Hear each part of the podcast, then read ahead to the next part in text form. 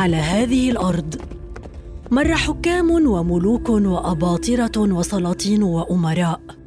سعوا إلى توسيع ملكهم ومد سلطانهم.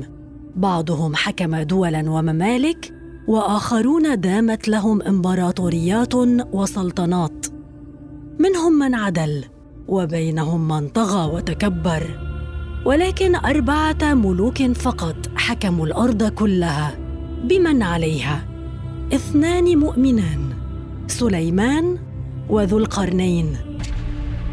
واثنان كافران النمرود ونبوخذ نصر.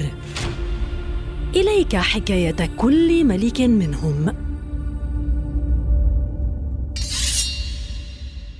ذو القرنين. نشأ ذو القرنين قوي البدن مفتول العضلين في أمة مستعبدة ضعيفة. سيطرت عليها دولة مجاورة وأجبرتها على دفع الجزية. فلما رأى حال أمته دعاهم للتوحد والتخلص من الظلم. إلا أنهم خافوا وجبنوا عن حقهم خشية الملك الظالم. أيد ذو القرنين دعوته قومه بالإيمان بالله فزاد آذاهم له ولم يبق منهم إلا السخرية.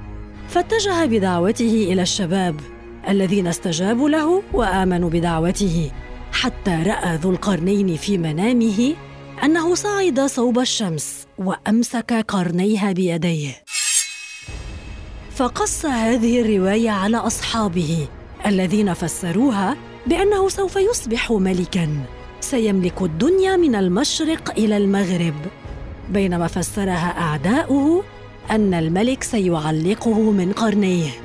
فاكتسب بهذا لقب ذو القرنين ووصل صيته للملك الظالم الذي أرسل إليه طلبا بالجزية.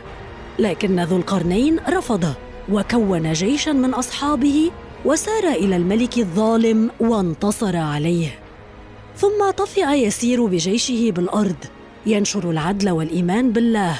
حتى وصل الصين وبنى سدا عظيما حاصر خلفه يأجوج وبأجوج ثم بعدها دانت له الأرض من مشرقها إلى مغربها. النبي سليمان لم تأتي الأرض بملك مثل سليمان ابن داود عليهما السلام. حكم الأرض بمن عليها؟ بأمر من الله الذي سخر لسليمان كل شيء حتى الجند والإنس. وعلمه لغة الحيوانات وأخضع له الوحوش وجعل الرياح تحت أمره يستطيع أن يركبها مع جنوده.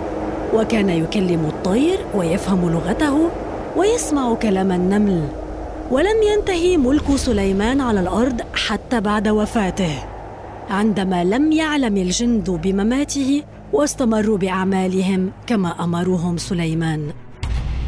النمرود هو ملك جبار متكبر مدعي بالربوبية. دعي بالنمرود لتكبره على خالقه. كان يحكم العالم من مملكته في بابل بالعراق. طغى النمرود وتكبر وسير جيوشه لقتل كل من يمكن ربوبيته. جادل النبي إبراهيم وادعى أنه يحيي ويميت. فأرسل الله له ذبابة أدخلت رأسه وسببت له آلاما مبرحة. وكان يأمر جنوده أن يضربوه على رأسه حتى مات وهو يضرب بالأقدام والأحذية. نبوخذ نصر الملك القوي الذي شبه نفسه إليه صدام حسين. قبل أن يدين الملك لنبوخذ نصر على العالم كان قائدا لجيش جرار معروف للعالم بقوته وشراسته.